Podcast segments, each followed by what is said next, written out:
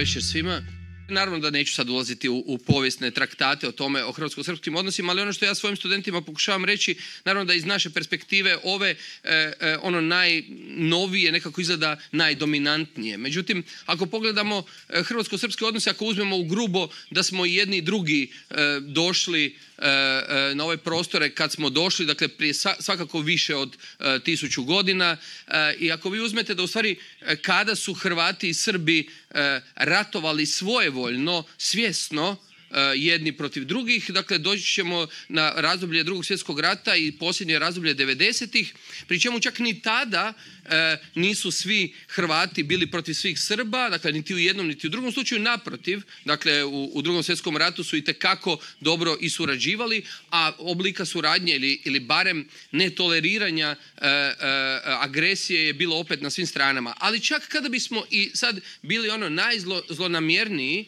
E, ako uzmemo da se radi o nekoliko godina sukoba, ostaje nam od ovih preko tisuću godina, dakle gdje jedni s drugima živimo, jedni uz druge, jedni sa drugima, e, gdje se ženimo jedni s drugima, gdje prijateljimo jedni s drugima, gdje smo kumovi jedni drugima, gdje zajedno igramo e, nogomet u istim klubovima, gdje sviramo u istim rock grupama, gdje gledamo ili snimamo iste filmove, idemo na iste rođendane.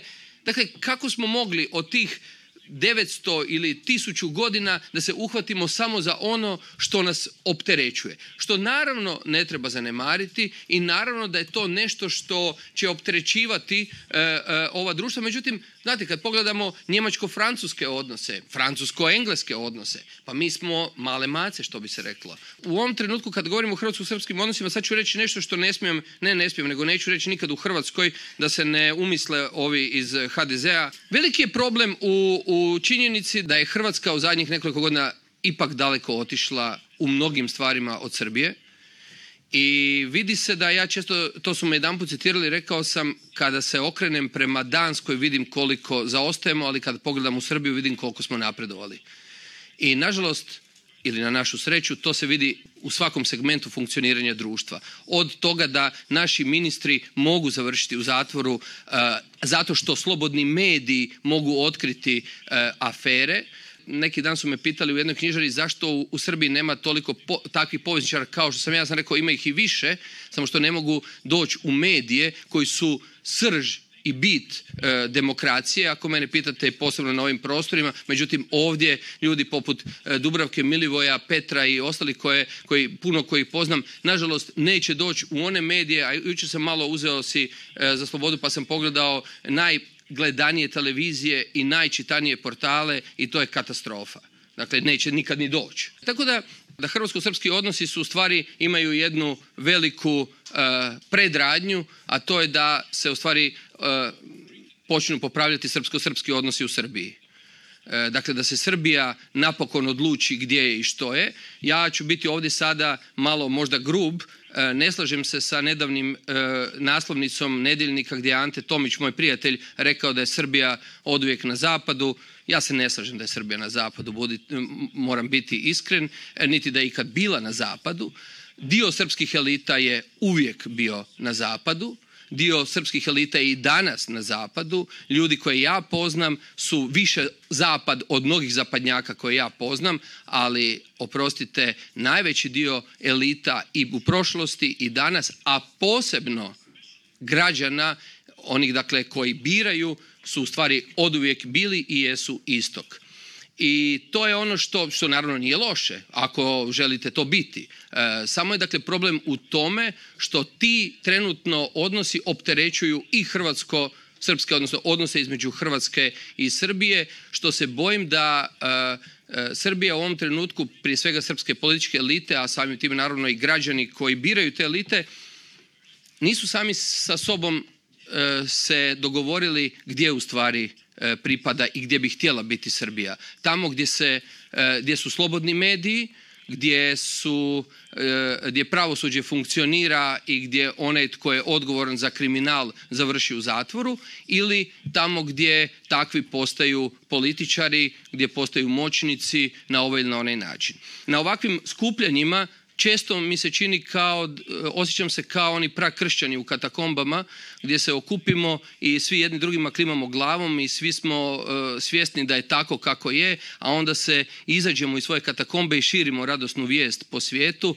E, ja samo mogu zaključiti, nadam se da nam neće trebati da, treba biti strpljivi. i crkvi je trebalo ili kršćanstvo je trebalo dugo da se učvrsti i postane dominantna e, religija. Nadam se da Hrvatima i Srbima neće treba toliko stoljeća da se e, ovi odnosi uspostave tako da dominantno postane ono o čemu mi ovdje nadam se da ćemo govoriti.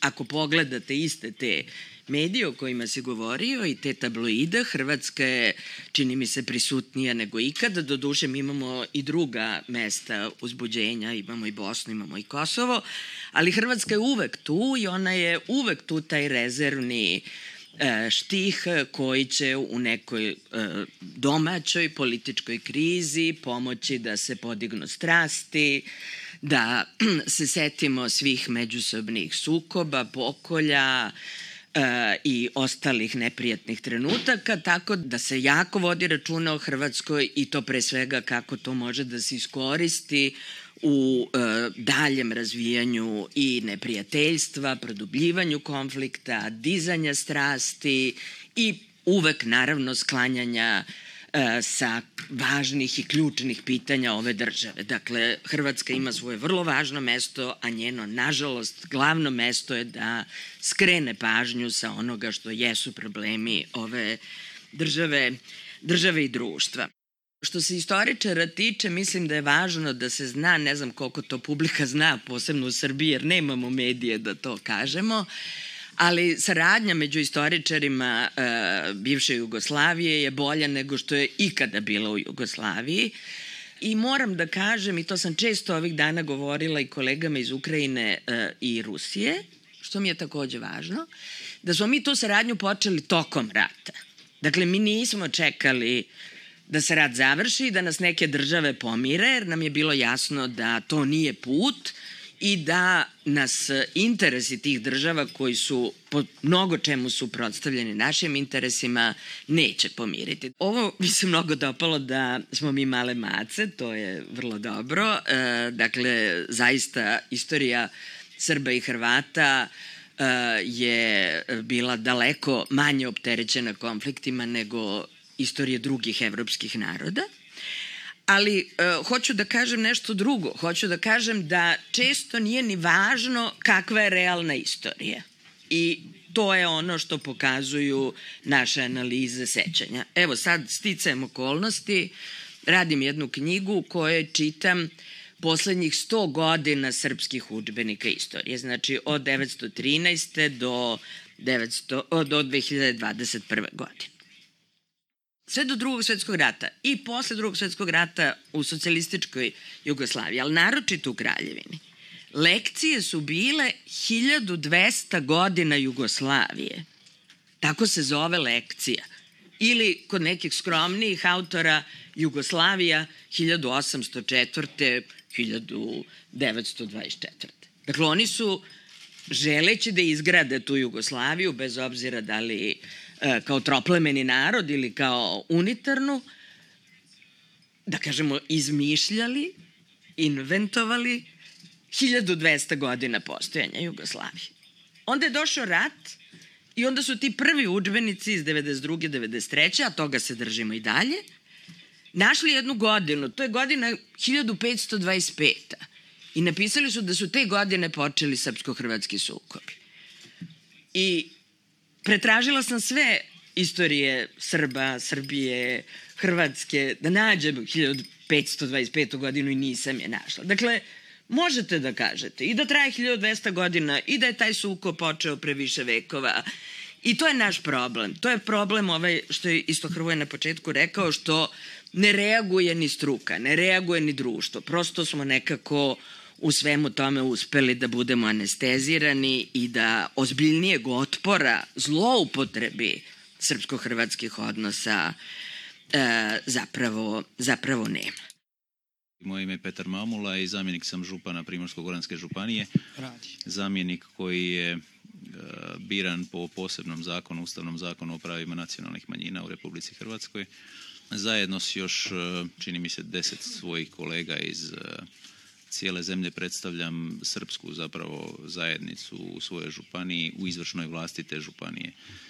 E, to je kod nas u Rijeci, e, ko što se već nekako i podrazumijeva, ne mora se to posebno isticati, puno lakše nego što je to primjerice u Slavoniji, u Požeško-Slavonskoj županiji ili u nekim e, drugim ratom devastiranim područjima.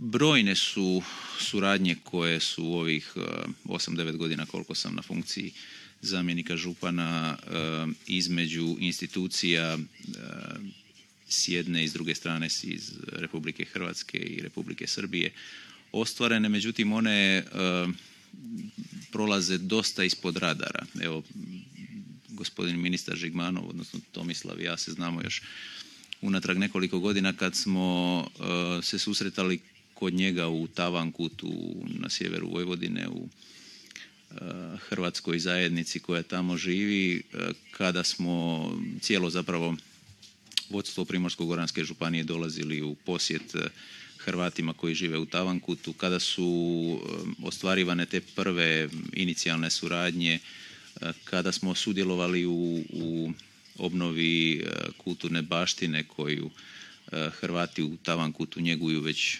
stoljećima. E, nakon toga, sjećam se, uslijedili su i posjeti e, predstavnika Hrvatske zajednice, županija, gotovo svih hrvatskih župana, isto Tavankutu, Subotici i pokrajinskoj vladi u Novom Sadu, u Vojvodini. Međutim, sve to, kao i brojne druge stvari koje sad nemamo vremena nabrajati i spominjati, čini mi se prolazi podosta ispod radara i nema eh, dovoljno sluha niti sa jedne ni sa druge strane da se takvi primjeri eh, institucionalne suradnje stavljaju u prve minute dnevnika. I sa jedne i s druge strane.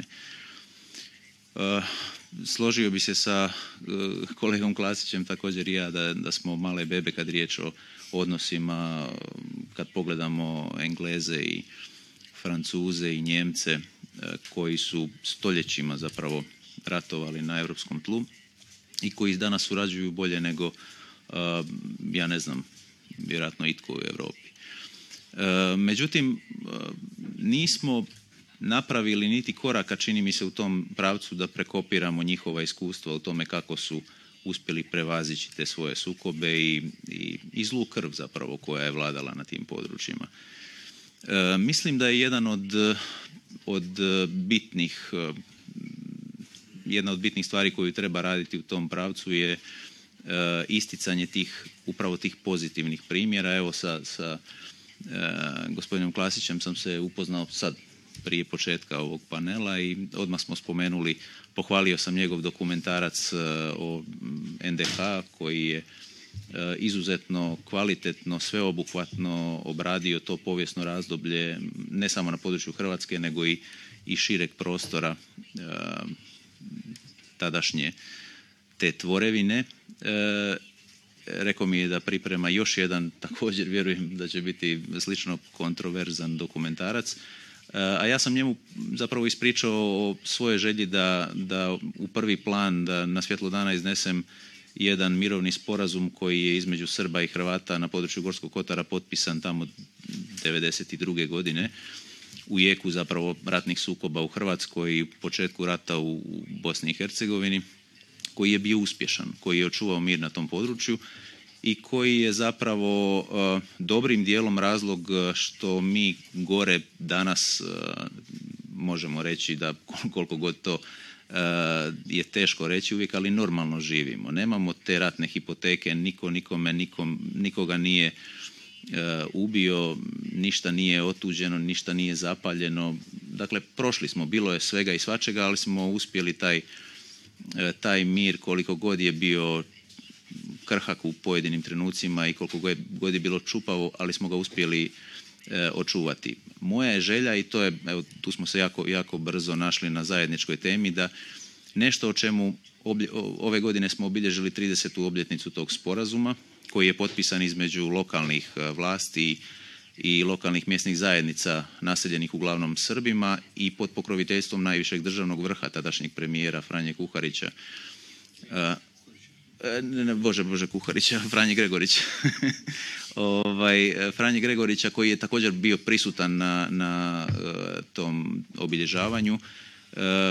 dakle, da ga iznesemo na svjetlo javnosti, da stavljamo te takve pozitivne primjere ljudi koji su bili, koji su se u ta vremena borili za mir, zapravo za potpuno nepopularne stvari u, na tom području. Znamo one koji su gubili glavu kao Reichel Kiru u, na istoku Hrvatske, E, ali ih nedovoljno spominjemo. Nedovoljno ističemo to što može po meni, po mom mišljenju, biti dobar zalog za, za još čvršću institucionalnu suradnju između institucija Republike Hrvatske i Republike Srbije. Ja sam Nebojša Novaković i htio bih da se obratim kao neko ko se u ovom momentu u, u, u parlamentu u Srbiji između ostalog bavi spoljnim poslovima, po nekada ličnom afinitetu e, regionalnim odnosima poslanik sam demokratske opozicione, dakle stranke demokratske stranke.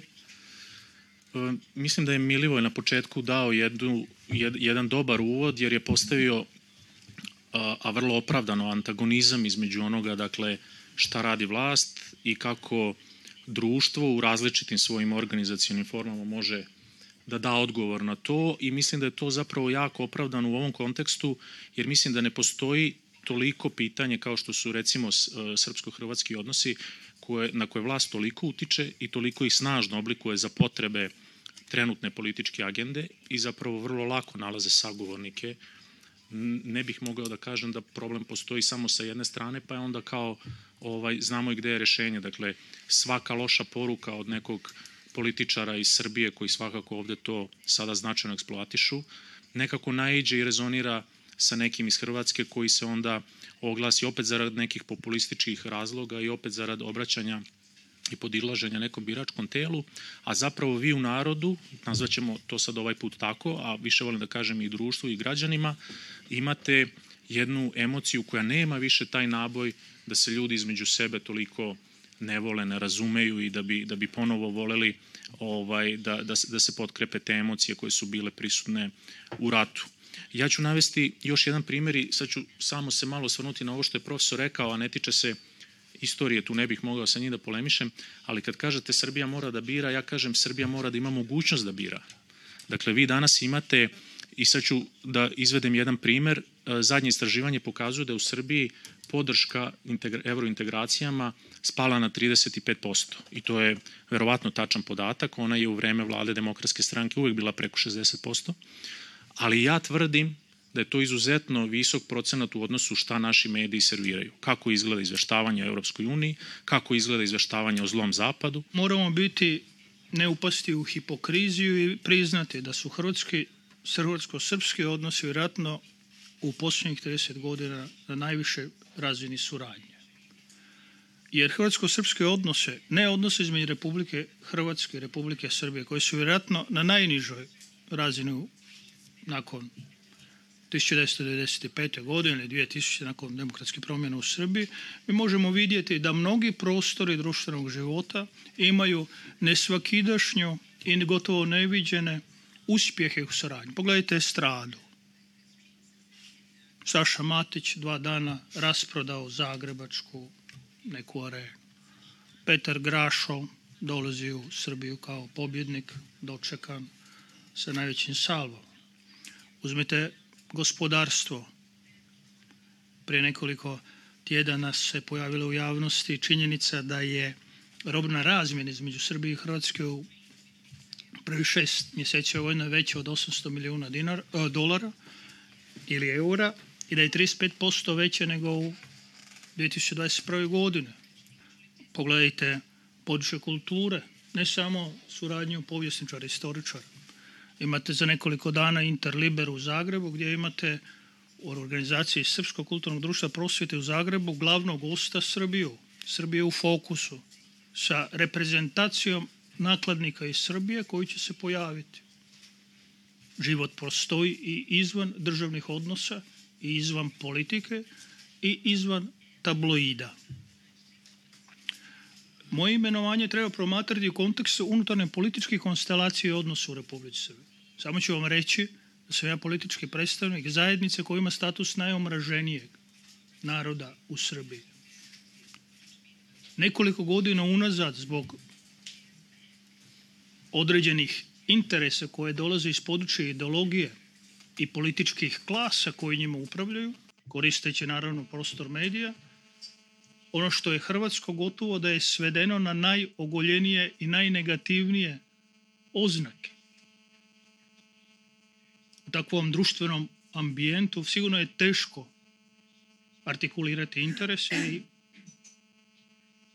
pokušati sudjelovati onda ukupno ukupnim hrvatskim srpskim odnosima i kazati da, je da su vremena suradnje međusobnog u kulturnim razmjenama, političkim razmjenama, prožimanja i obogaćivanja neusporedivo veći, dulji, bogati.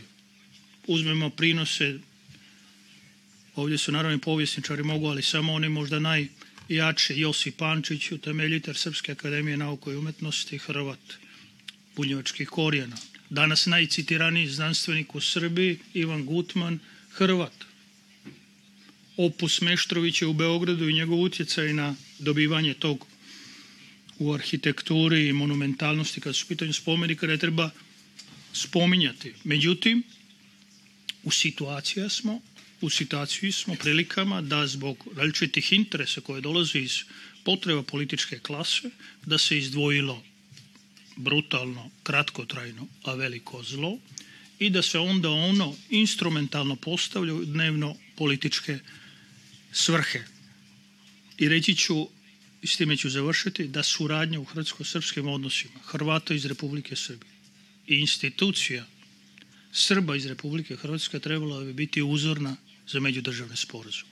Mi smo koncem osmog mjeseca svojim Pupovac, koji je neka vrsta mojega pandama u smislu statusnog, ne bilo kojem drugom, da ne mislite da se na neki način lažno sada legitimiram, potpisali sporazum u Golubiću kraj Obrovca o suradnji Srba iz Hrvatske i Hrvata iz Srbije, gdje smo efektuirali ono što smo do sada radili, što je bilo apsolutno nevidljivo u bilo kojem segmentu javnosti, niti je bilo valorizirano, podržano strane politika u državi u kojoj jesmo. Jer imamo suradnju i kad je u pitanju politička, političko polje, kad je u pitanju kultura, informiranje, čak i sport. Ove godine na Europsko prvenstvo nogometnih reprezentacija nacionalnih manjina, reprezentacija Hrvata iz Srbije i Srba iz Hrvatske, išli u jednom autobusu i bili su smješteni na jednom prostoru jel radnička klasa Hrvatske odmakla u odnosu na Srbiju i da li je moguć neki most, šta više, da li on može da se ispostavi krucijalnim između dve grupacije u Srbiji i Hrvatskoj koje se mogu smatrati žrtvama tranzicije jako dobar odgovor na to je dao e, e, hrvatski ekonomist Josip Tica koji je napravio istraživanje kupovne moći u Hrvatskoj i ustvrdio da danas imamo niži standard nego 1978. godine. Odnosno da je naš BDP na istoj razini kao 1980. godine. Drugim riječima, radničkoj krasi, a vjerujem ne tako drugačije u Srbiji kao u Hrvatskoj, prije 30 godina je bilo puno bolje nego što je danas. Tako da radnička klasa se sjeća e, standarda koji e, su imali nekad i standarda koji imaju danas, ali istina je da se negdje na e, političkoj medijskoj sceni često radnike optužuje kao one koji su udesno, jel, koji su desnica.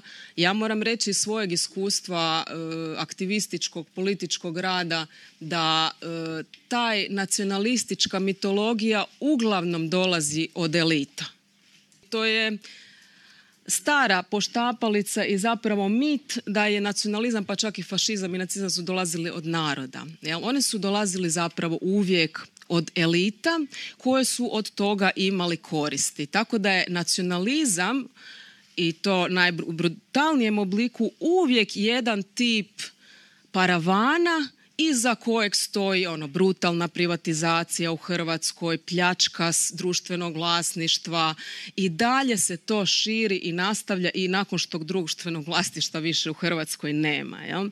I moram reći iz iskustva znači rada u Hrvatskom saboru jedni nacionalisti druge trebaju. Oni se, oni se nadopunjavaju.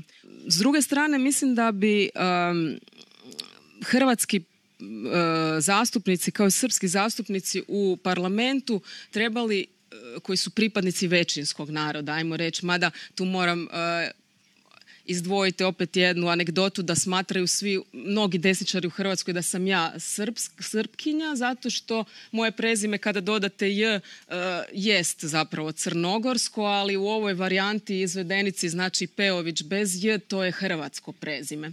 No nebitno, jel? To se poistovjećivanje mene sa srpskim, odnosno crnogorskim narodom temelji na mojoj aktivnosti zastupnice koja cijeni manjine. Jel? Mislim, to je vrlo često označeno kao jedan, e, to može samo biti srpski nacionalizam, to ne može biti ništa drugo, niti to može biti ono što bi zapravo trebala biti zadaća svakog zastupnika pripadnika većinskog naroda, a to je da zapravo štiti manjine. Jel, to, je, to je negdje nama zadaća. A moram reći da isto tako dosta jedno 30% ja bih rekla e, rasprava su potpuno bespotrebne, nacionalističke, e, huškačke e, retorike u Saboru. Doslovno to. Znači ništa nego ono čisti nacionalistički, brutalni zapravo huškački nacionalizam, ali vrlo često zapravo sreda tog nacionalističkog impulsa dolaze stvari koje su potpuno iracionalne. Na primjer, znači imate ne, nebrojeno puno reakcija eh, hrvatske eh, radikalne desnice na srpske eh, zastupnike srpske nacionalne manjine jer oni govore ekavicom Jel, to, to, ih strašno iznervira. E, onda, onda im izađemo na govornicu i mi zastupnici znači, koji nešto malo znaju o povijesti hrvatske književnosti objasnimo da je Miroslav Krleža, naš najveći pisac hrvatski, pisao dobrim dobar dio svog opisa, opusa na ekavici. Jel? Ekavica je bila jedan tip njegovog a, emancipacijskog, sve slavenskog momenta koji imamo još od Štrosmajera u Hrvatskoj. Onda imate nebrojeno puno reakcija na čirilične table jel, u Vukovaru. Vrlo je zanimljivo dobiti reakciju od e, hrvatskih nacionalista kad im pokušavate objasniti da je čirilica povijesno hrvatsko pismo, jedno od tri hrvatskih pisama.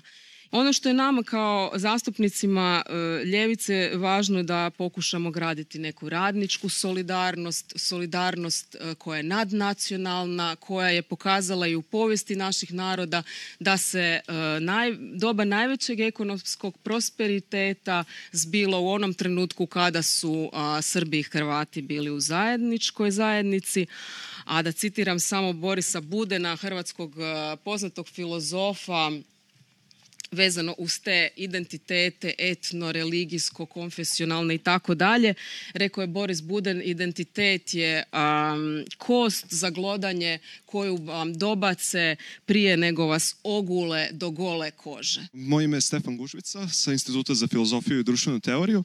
Ministar Žigmanov i profesor Klasi su spominjali šta sve Srbi i Hrvati imaju zajedničko. Ja bih dodao da je tu jako, jako bitna stavka koja je najočiglednija ovdje sada kada pričamo, jezik, odnosno e, da, je to jedan jezik koji se istorijski zvao srpsko-hrvatski ili hrvatsko-srpski, ako ništa drugo kao svedočanstvo koje nacionalistima ne odgovara o istorijskoj težnji u zadnjih 200 godina, odnosno od nastanka savremenih nacija, da Srbi i Hrvati u najmanju ruku žive u zajedničkoj državi.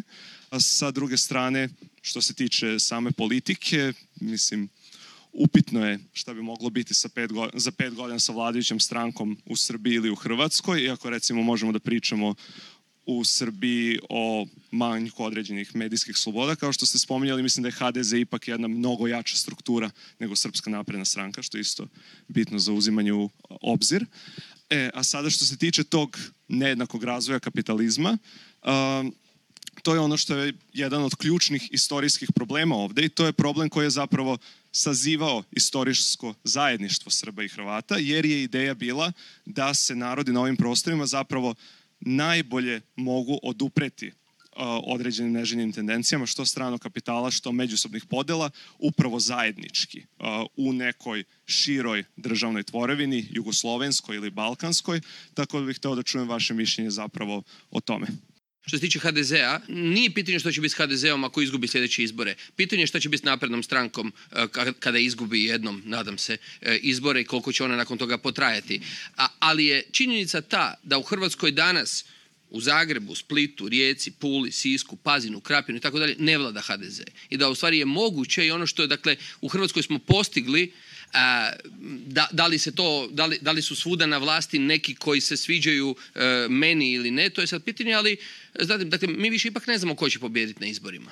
U, mojoj, u mom gradu, rodnom u Sisku, gdje je naj, desni biskup koji govori e, o, o prošlosti na najgori mogući način, SDP pobjeđuje već godinama. A tako i u nekim drugim gradovima za koje su bili do jučer se smatralo da ne mogu pasti nikako iz HDZ-a. I e, to je moguće. I dakle, događa se. Tako da, ali ja bih rekao da je čak puno važnije to da je moguće da ministar, čak bio iz srpske kvote ili iz hrvatske kvote, završi sutra u sudu ili u zatvoru zato što je jednostavno napravio nešto loše. Naravno da toliko toga ima ga me sram i ja bih možda iskoristio ovu priliku e, e, malo, nije to polemika, nego ja se slažem sa e, gospodinom Žigmanovem. Dakle, da, prošlost nekako uvijek se kaže treba ostaviti povjesničarima ili istoričarima, kako god.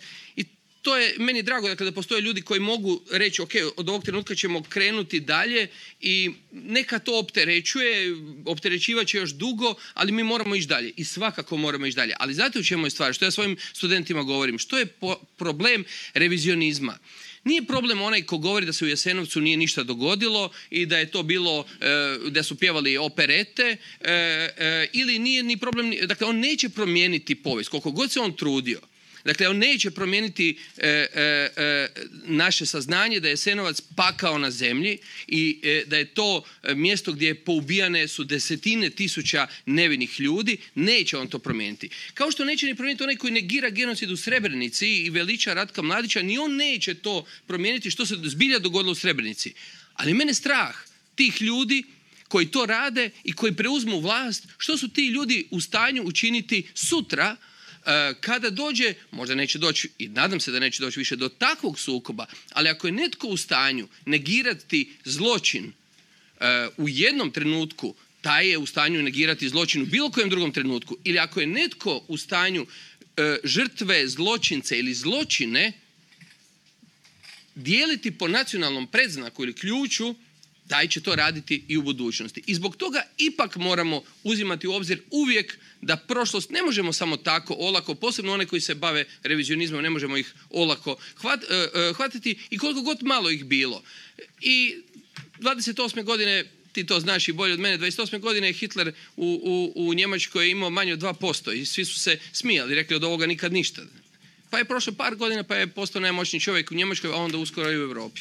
Ja sam Željko bodožić ja bi samo gospodina ministra da pitam nešto, nije mi jasno ovaj, i dalje od dana vašeg eh, prihvatanja funkcije, zašto ste vi uopšte eh, ministar u vladi Aleksandra Vučića, ja mislim da vas je on zvao u vladu, a ne Ana Brnović. to je tehnička ovaj, da budemo tačni do kraja. Šta su ciljevi vašeg ulaska i šta mislite da možete da uradite u ovakvoj vladi gde će vam, ja sam siguran neko jednog dana reći, samo vi Tomislavi radite svoj posao, a znate na šta misli. I reći vam da je to tako 41. U kontekstu hrvatsko-srpskih odnosa, koji su najgori od 2000. godine, bio bi veliki luksus da se ponuđeno mjesto predstavniku Hrvatske zajednice u Republici Srbiji odbije Zoran Vuletić, Građanski demokratski forum. 18. E, ovog meseca se navršava godišnjica recimo kraja bitke u Vukovaru i recimo svakog leta imamo e, tokom jula između Srebrenice i obeležavanja završetka rata u Hrvatskoj 95. oluje, tenzije koje su onako e, svake godine identične i jednake i mala je tu razlika u odnosu na to koja je stranka na vlasti. Zašto u Srbiji nema političke alternative takvoj politici, takvom stavu? Ja stvarno ne verujem da možemo da se okrenemo i krenemo u srećnu budućnost i zaboravimo ono što se desilo. Očigledno je da ne možemo da zaboravimo i ne treba da zaboravimo, ali je i pitanje kako to koristimo. E, i o tome smo već nešto govorili, ali mislim da je ovde vrlo važno da se kaže da su ratovi u Jugoslaviji, posebno rat između Srba i Hrvata, napravljen revizijom istorije tokom 80. godina. Dakle, tu je počelo to da se menja, tu je počelo da se ruši Jugoslavija, tu je počelo da se govori o međusobnim sukobima i tu je napravljena psihološka osnova da komšija može da ubije komšiju. Jer kako to inače proizvesti, osim e, pričama o međusobnim žrtvama, e, empatijom za sobstvene žrtve, homogenizacijom nacija na pitanju istorije. Taj rat je napravljen revizijom istorije i sada je rat iz 90-ih sklonjen na ono što često zovemo mala ringla. Sklonjen je na blagu vatricu ponovo na teren istorije, da se tu krčka i kako se često i vrlo čak otvoreno kaže da sačekamo bolju međunarodne prilike i da završimo ono što smo započeli. I to je ono na što mi stalno upozoravamo, da se to pomeranje sa terena istorije na ratište, pa sa ratišta opet na upravo ovo što ste pomenuli, na način na koji se sećamo Vukovara ili način na koji govorimo o Luji, su načini predratni. To nije to nisu postkonfliktna društva, to nije stanje posle rata, to je stanje pre novog rata i to je nešto što treba da se kaže. Ja sam Husnija Kamberović iz Sarajeva. Da li ova saradnja koju mi danas vidimo e, jako dobra saradnja e, srpsko-hrvatska na pitanju Bosne e, je dobra ili loša.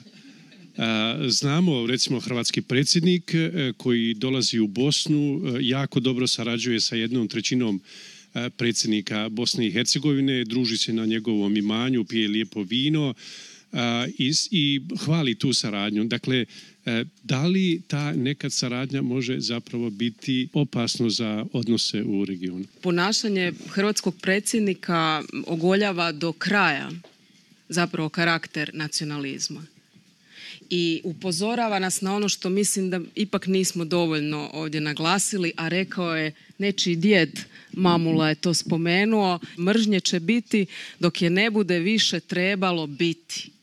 Ja bolju rečenicu nisam čula o nacionalizmu ovdje. Znači, nacionalizam je paravan za prvobitnu akumulaciju kapitala, za pljačku koja se desila u procesu pretvorbe, privatizacije i to je u svim našim zemljama identično i e, istovjetno. I te će mržnje prestati kada prestane prvobitna akumulacija kapitala. Tako da mislim da ćemo se magično probuditi u svijetu tolerancije onda kada više ne bude bilo ničeg za pokrasti. Da to tako pojednostavim, mislim da bismo trebali i to negdje imati na pameti taj odnos centra i periferije, gdje stvarno suradnja naših zemalja na ekonomskoj bazi mora biti jedan od prioriteta, a onda i mislim sam nacionalizam i mržnja prestaju kao bilo kakva činjenica jer stvar je u tome da nismo mi siromašni na periferiji zbog nekog svog mentaliteta, nekog svog, neke svoje zaostalosti. Znači mi smo u zemljama duboko deindustrializiranim, osiromašenim, sa sve većim socijalnim razlikama da se razumijemo. Socijalne razlike u Hrvatskoj koju je pohvalio kao bolju u odnosu na Srbiju su sve veće i nema tog načina da mi dosegnemo tu jednu dansku tako da promijenimo mentalitet nego samo tako da zapravo promijenimo ekonomske uvjete obespravljenosti znači Branko Horvat vam je imao jednu odličnu primjedbu, znači vezanu uz Kosovo i Hrvatsku i Sloveniju. Znači on je rekao e, Hrvatska i Slovenija se ljute jer na Kosovo ide takozvana pomoć. Jel? Ali Hrvatska i Slovenija su se razvijale na temelju nerazvijenih, da se razumijemo. Koji su bili tržište za njihove visoko sofisticirane proizvode i izvor, a te su zemlje, odnosno te regije bile izvor njihove jeftine radne snage. Danas je Hrvatska Kosovo Europske unije ajmo biti iskreni, jedan 17,6% e, radno sposobnog stanovništva je iselilo iz Hrvatske. Mi možemo reći da smo manje e, izloženi tom nacionalizmu, ali stvarno socijalne razlike i naša pozicija u odnosu na e, ono što smo nekad imali je stvarno sve gore i gora. E, ja sam Nataša Vučković iz Fondacije Centar za demokratiju. U kojoj meri zapravo e, donosioci odluka na našim prostorima deluju zaista potpuno autohtono i e, dakle autonomno u definisanju, kreiranju, razvijanju srpsko-hrvatskih odnosa ili postoje dakle uticaji koji koji se dakle vode za tim da se ovde želi stvoriti ovakvo ili onakvo stanje stvari u regionu ja sam jedan od najvećih protivnika tih priča o tome kako neko izvana projicira mržnju prema eh, ili nestabilnost u regiji ne mislim da ste to implicirali reći, nego čisto kažem, dakle često to slušam, pa čak i u aspektu rata, e, dakle mi smo tako, super nam je bilo, onda su nas posvađali jer su nas htjeli posvađati, ali slučajno nisu Čehoslovačku htjeli posvađati i zaratiti, nego su baš htjeli Jugoslaviju zaratiti ili ne znam Latviju, Estoniju, Litvu i sve, nego baš nas samo. Dakle, da li smo autonomni? Hvala Bogu nismo mi u Hrvatskoj, jer kad smo bili autonomni, onda smo pokrali sami sebe više nego što nas je iko pokrao. Hrvatska ima tu sreću što je napokon u zajednici gdje smo Kosovo, gdje smo najsiromašniji, ali ja ne slažem sa puno stvari koje je Katarina misli o Europskoj uniji, ali mislim da nismo u Europskoj uniji da bi bili u puno, puno gore poziciji. Mi trenutno ipak imamo e, nekoga ko nas kad malo odemo u krivo lupi po glavi i vrati na, na da je po mom mišljenju pravi put. Nadovezat ću se, neko spomenu spomenuo naciju, neki dan sam vidio odličan grafit Only good nation is imagination.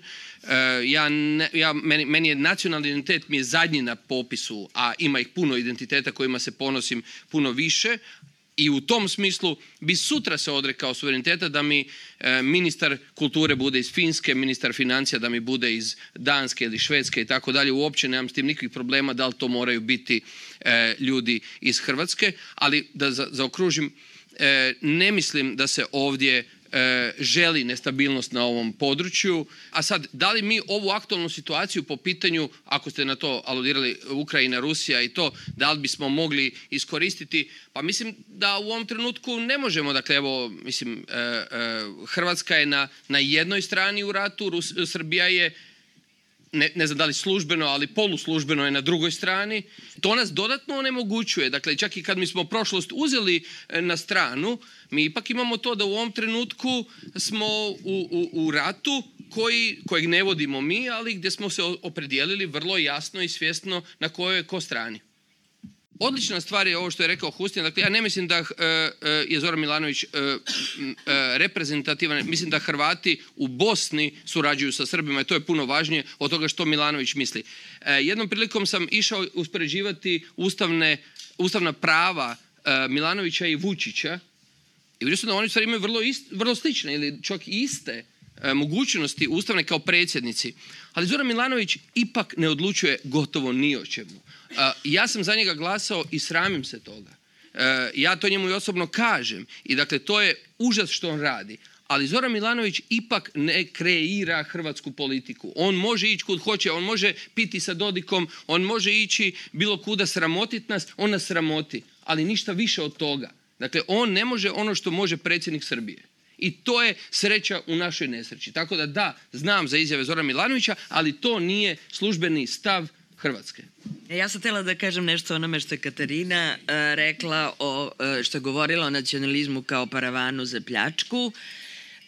s tim se potpuno slažem i stojim uz one istoričare i one koji su analizirali jugoslovenske ratovi, nacionalizme ne kao cilj, nego kao sredstvo. Jer da je to cilj, valjda bi ta društva i te države živele bolje i valjda ne bi svakih deset godina izgubili 12 do 13% ljudi, kao što sad poveć već pokazuju i rezultati našeg popisa ili e, svi otišli da rade. Prema tome, e, zbog toga mislim da treba i da se postavi pitanje zašto se raspala Jugoslavija i mislim da tu treba da se vratimo i na one pozicije koje je govorila Latinka Perović e, i pre nego što se raspala Jugoslavija, odnosno da se ona ne raspada zbog nacionalnih granica, posebno ne zbog mržnje ili posebno ne iz, ne znam, verske podale, kako, je to neko, kako su to mnogi govorili, nego se upravo raspada da bi se sprečila modernizacija, da bi se sprečio razvoj i da bi se napravili